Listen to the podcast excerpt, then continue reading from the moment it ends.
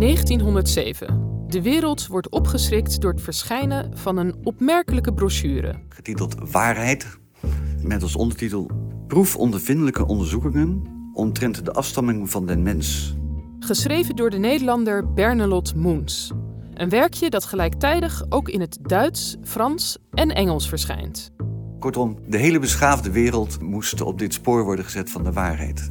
Moens schrijft daarin dat hij geld zoekt voor een experiment waarmee hij Darwins evolutietheorie zou kunnen bewijzen. Als volgt omschreven: kunstmatige bevruchting van de geslachtsrijpe wijfjes der antropomorfe apen met sperma van mensen. Oftewel het bezwangeren van een aap door een mens.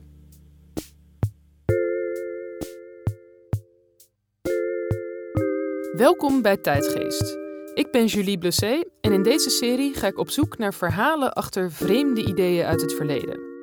Deze keer over het chockerende plan van Bernelot Moens om mensen en apen met elkaar te kruisen.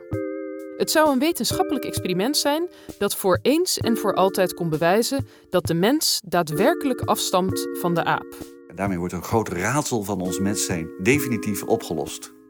Nou, dat was de boodschap die hij dus in heel Europa verspreidde en die nogal wat opzien heeft gebaard. Dit is Pieter Roy, hoogleraar Nederlandse geschiedenis aan de UvA. Inmiddels uh, emeritus. En ik heb uh, niet zo lang geleden het boek geschreven... De Nederlandse Darwin over Herman Bernelot Moens. De Nederlandse Darwin. Dat klinkt als een wel heel hoge eer voor een man met zo'n merkwaardig plan. Maar Pieter Roy ontdekte dat deze vergeten figuur aan het begin van de 20e eeuw wel degelijk zo gezien werd. Niet in het minst omdat Moens zichzelf als de opvolger van Darwin presenteerde in zijn brochure. Die vertelde daarin. Kijk, die, die evolutietheorie van Darwin, waar iedereen zich uh, zo mee bezighoudt, dat is allemaal hartstikke interessant en aardig, maar het is natuurlijk een hypothese. We weten niet of die evolutietheorie ook in werkelijkheid functioneert. Dus ja, er is eigenlijk maar één echte oplossing. Dat is, we gaan het proberen. We gaan een experiment doen en als dat lukt, dan weten we dat de evolutietheorie echt klopt. En dat het dus echt zoiets is als een dierlijke afstamming van de mens. Het is een behoorlijk gedurfd plan. Aan het begin van de 20e eeuw betekent de evolutietheorie voor de meeste mensen vooral dat maffe idee dat wij mensen van apen zouden afstammen en niet van Adam. Het was een gruwelijke reductie van Darwin, maar goed, dit terzijde. Die theorie is in abstracto al schokkend genoeg. Laat staan in deze expliciete praktijk. Je ziet dus dat in heel veel kranten internationaal aandacht werd geschonken aan deze brochure. Dus ja, Moens heeft natuurlijk een zeker schandaalsucces. Ik besluit de kranten er eens op na te slaan. En inderdaad, zoekend in de archieven stuit ik op een ware mediastorm. Vooral de confessionele pers schrijft met zo'n groot gevoel voor drama dat ik de bombastische stem van een ontzette journalist al lezend bijna hoor nadreunen. Neem bijvoorbeeld dit stuk uit de Gelderlander. Een gruwel die om wraak ten hemel schrijdt, wordt in ons christelijk Nederland beraamd. En het katholieke blad De Tijd noemt het. Een zwaar vergrijp, niet slechts tegen de waardigheid van de mens, maar tegen de natuur zelf. En vooruit, nog één voorbeeld om goed in de stemming te komen. Zinken wij dan nog dieper dan het oude heidendom? De ongelovige wetenschap laat niets onbeproefd als zij slechts een kansje ziet om de christelijke openbaring een slag in het aangezicht te geven. Hele grote woorden, die op mij nogal lachwekkend overkomen. Vooral omdat ik het hele plan van Moens maar met moeite serieus kan nemen. Zo dacht Piet er aanvankelijk ook over. Mijn eerste reactie op het voorstel was dat het een bizar voorstel was... wat elk wetenschappelijke niks zou kunnen betekenen. En uh, eigenlijk vooral de uiting was van een aandachttrekker. Maar niet iedereen ziet het zo. Neem bijvoorbeeld de bij uitstek ter zake kundige Menno Schildhuizen. Hoogleraar evolutiebiologie aan de Universiteit Leiden en ook onderzoeker bij, uh, bij Naturalis. Hij heeft wel enig begrip voor dit plan van zijn vroeg 20e eeuwse vakbroeder. Ja, op zich is het wel iets wat evolutiebiologen al uh, sinds mensenheugenis doen. Het testen van de kruisbaarheid van soorten. Dus het is wel een, een logische stap.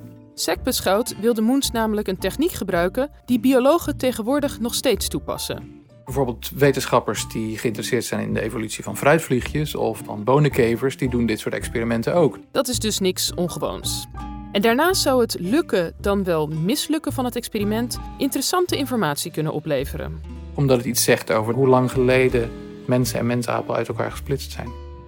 En dat was iets wat men in die tijd natuurlijk nog helemaal niet wist. En het was wel een kwestie waar men steeds nieuwsgieriger naar werd. Ook omdat rond deze tijd steeds meer Westerlingen voor het eerst de kans kregen om een aap in levende lijven te aanschouwen, op de kermis of bij het circus. En daar werd eerder gegruweld dan gelachen om dit vreemde beest. Ik denk als je voor het eerst een mensaap ziet, ja, dat het een hele schokkende ervaring is. Dat je ziet dat het een dier is waar je veel mee gemeen hebt en tegelijkertijd is het duidelijk geen mens.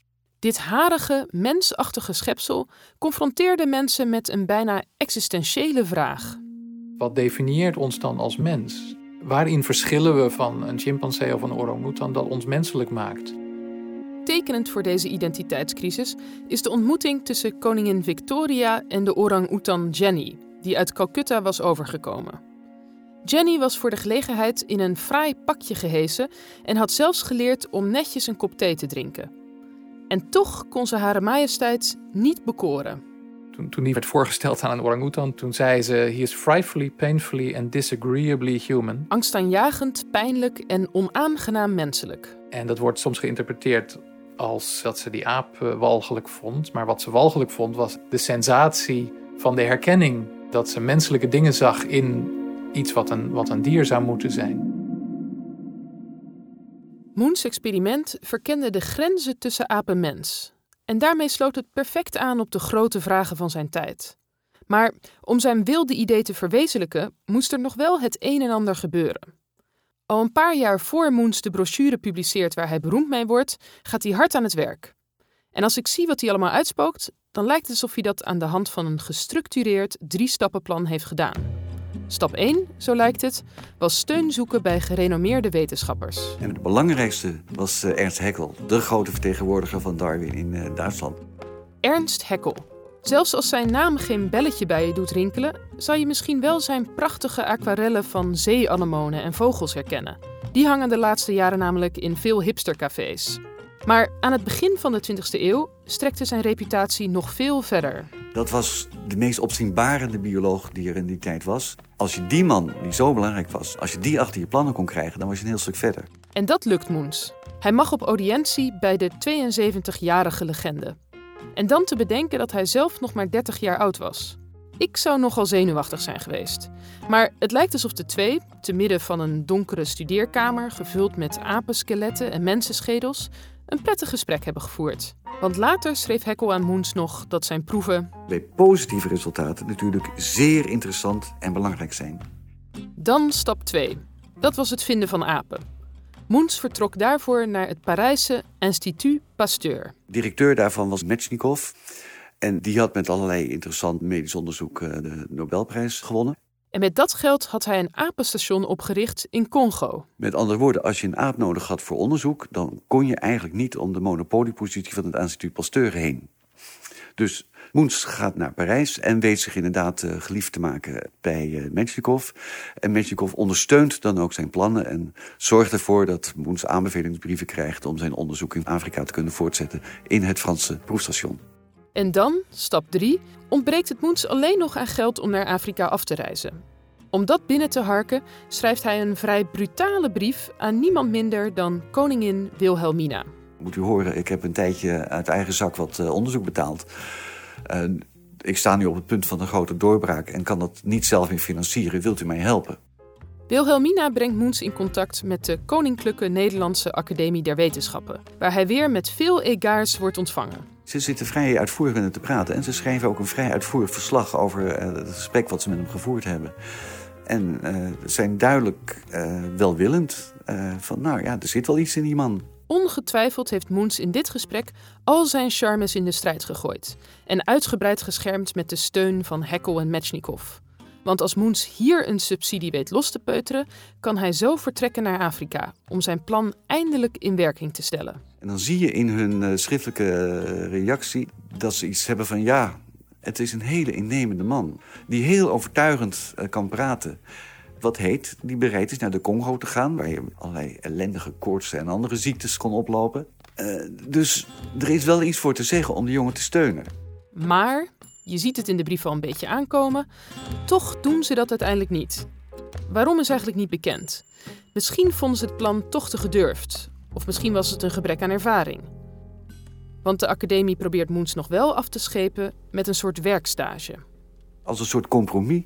Misschien moeten we naar uh, Nederlands-Indië sturen. Daar hebben we een, uh, een groot uh, biologisch station. Dan kan hij daar de eerste stappen zetten die hem wellicht wat verder helpen op de door hem voorgestelde route. Maar daar heeft Moens geen zin in.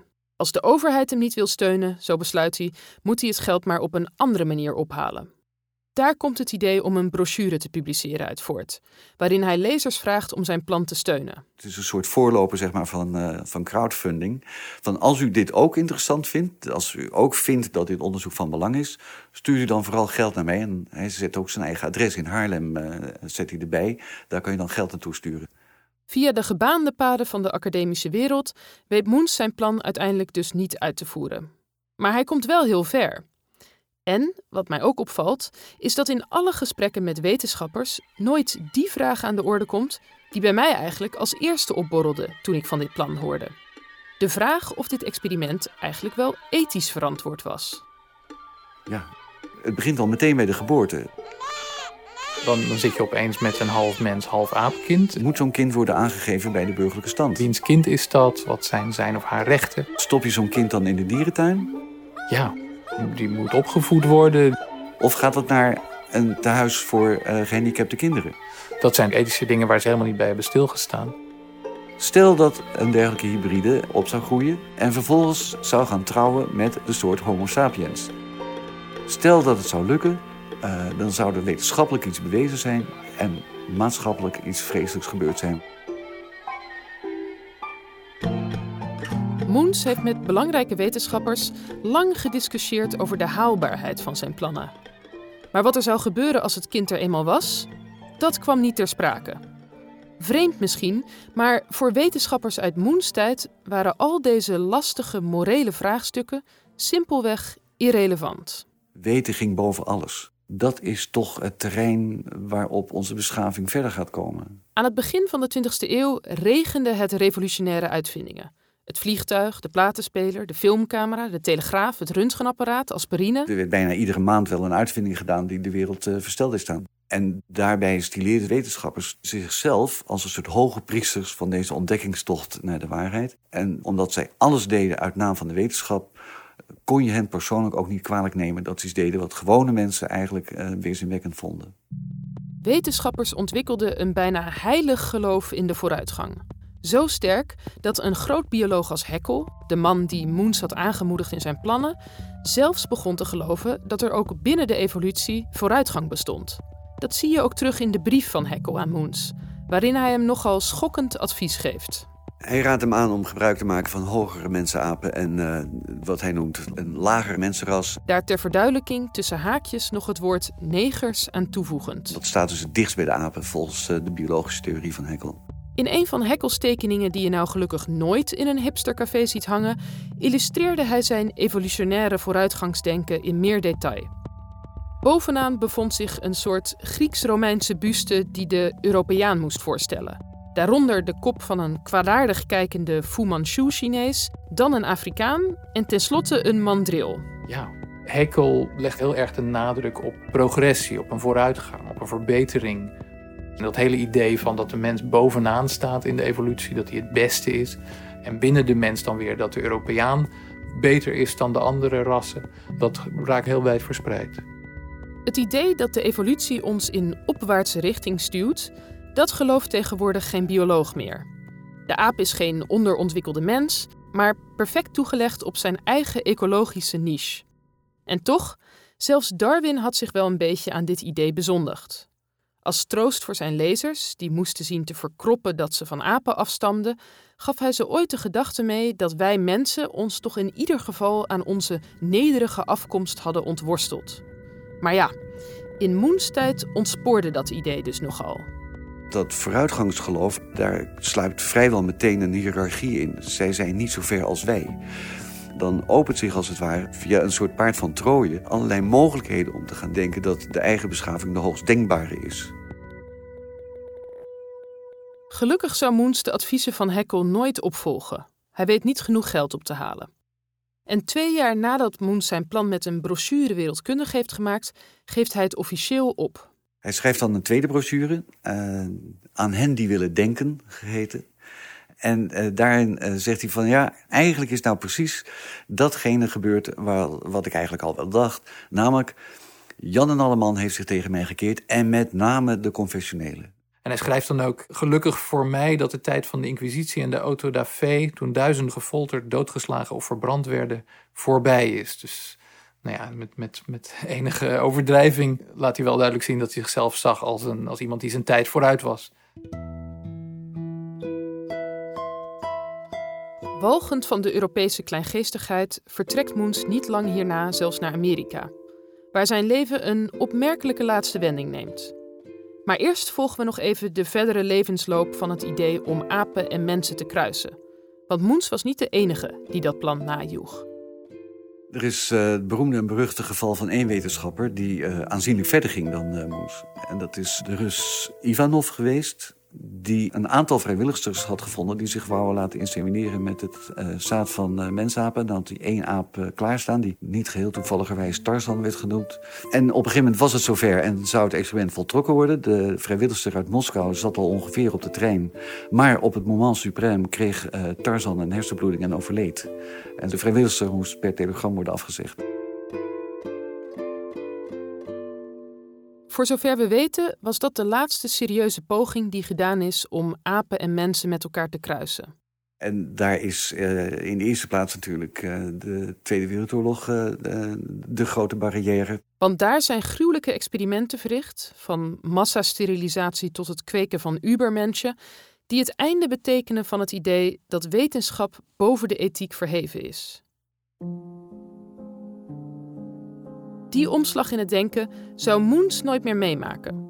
Maar eenmaal in Amerika ontwikkelt hij wel nieuwe ideeën over een heel ander onderwerp. Het is de manier waarop daar de zwarte bevolking wordt behandeld, zeg maar mishandeld. Hij ergert zich daar buitengewoon aan. En hij keert zich daar scherp tegen. Ook in de kranten geeft hij interviews van... nou, dit is het land van de, de free man. En wat je ziet is uh, raciale onderdrukking. En dat is schandelijk hij doet dat zo luid en duidelijk dat hij meteen verdacht wordt door de FBI. Van, het is een beetje raar, een blanke man die zich opwindt over wat wij met die zwarte doen, dat kan niet kloppen. En dat leidt tot uh, vervolging en tot de grootst mogelijke moeilijkheden die uh, Moens vervolgens in een aantal jaren zal ondergaan. Tot nu toe had Moens zich altijd bezig gehouden met de afkomst van de mens. Maar nu baarde de toekomst van de mens hem zorgen. Moens voorzag een wereldoorlog tussen de rassen, zoals hij dat noemde. En je zou kunnen zeggen dat de man die al zijn hele leven geloofde zijn tijd ver vooruit te zijn, met dat idee, anno 1914, voor het eerst de tijdgeest goed aanvoelde. Die nieuwe Tweede Wereldoorlog wilde Moens koste wat kost voorkomen, zo schreef hij. Maar ook nu kwam hij weer met een typisch Moensiaanse oplossing. Weet je wat, als we het zaakje nou eens goed door elkaar roeren, als we gewoon van de hele wereldbevolking één ras maken, dan uh, vermijden we daarmee ook het risico dat er een raciale oorlog komt. Dus dat langzaam maar zeker zich een perfect type kan ontwikkelen door raciale kruising. Een nieuw kruisingsexperiment dus, door middel van een eugenetisch broedprogramma. Toch weer een plan dat juist na 45 naar de schroothoop van de pseudowetenschap zou worden verwezen.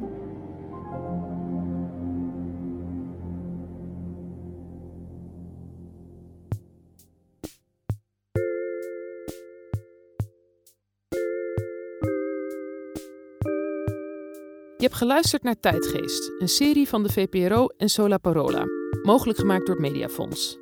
Arno Peters deed de techniek en de Tijdgeestdeun, waar ik nu overheen praat, die werd gemaakt door Jara Holdert. Zij maakt trouwens ook muziek om niet overheen te praten onder de naam Lewin, L-E-W-I-N. En ik ben Julie Blessé. Volgende keer in Tijdgeest een verhaal uit het Duitsland van april 1945. Wir haben regelrecht Angst gehabt, dass die Russen die Kinder mitnehmen. Aber wohin? Tja, wohin? Een onbekend verhaal over propaganda, angst en de ellende waar dat toe leidde aan het eind van de Tweede Wereldoorlog. Tot dan.